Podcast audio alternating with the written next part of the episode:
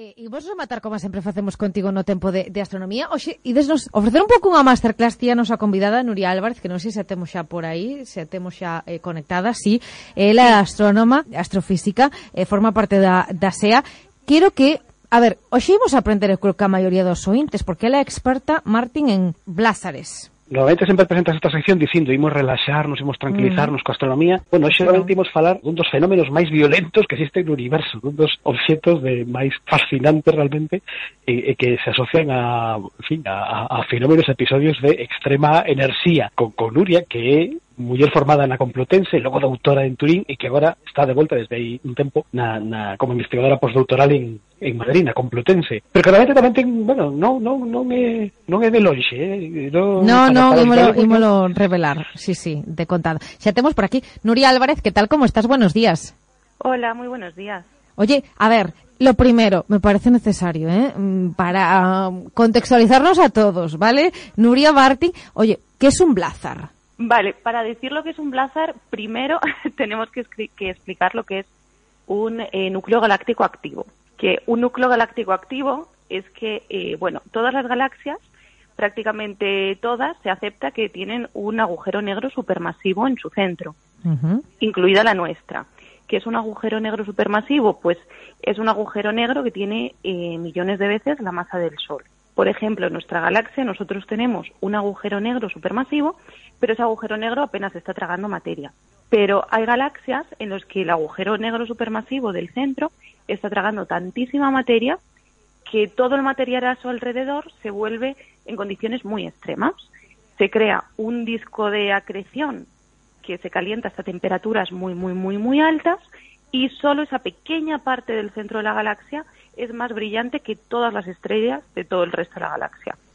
En algunos casos, incluso, se forman unos chorros de partículas enormes, que son partículas que van a velocidades cercanas a la velocidad de la luz. Son dos chorros que salen por los polos del agujero negro supermasivo. Y en, el caso de los blázares, esos chorros apuntan hacia nosotros.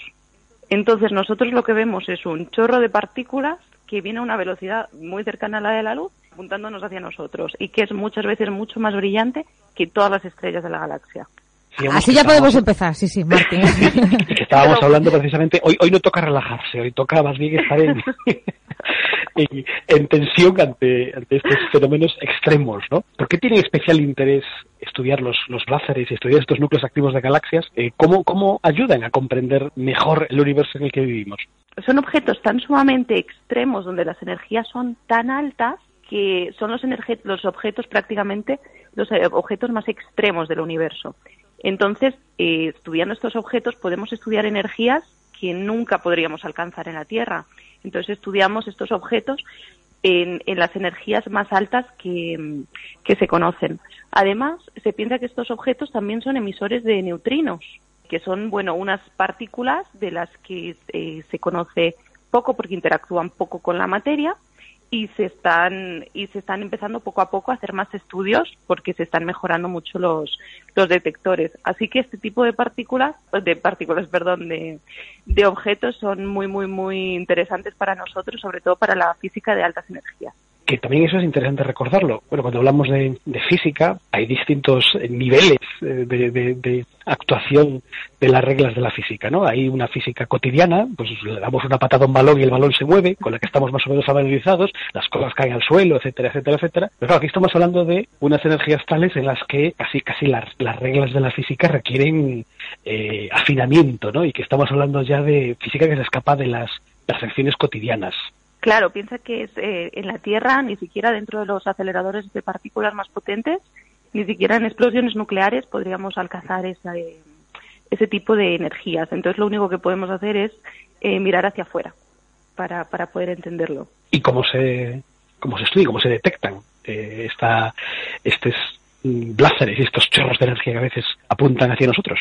Tenemos la suerte de, al ser objetos tan sumamente que emiten tantísima radiación, emiten en todas las longitudes de onda. Entonces nosotros primero podemos verlos identificarlos con telescopios corrientes, con telescopios ópticos, y luego también irnos a las altas energías. Y las altas energías hay dos formas de, de detectarlas.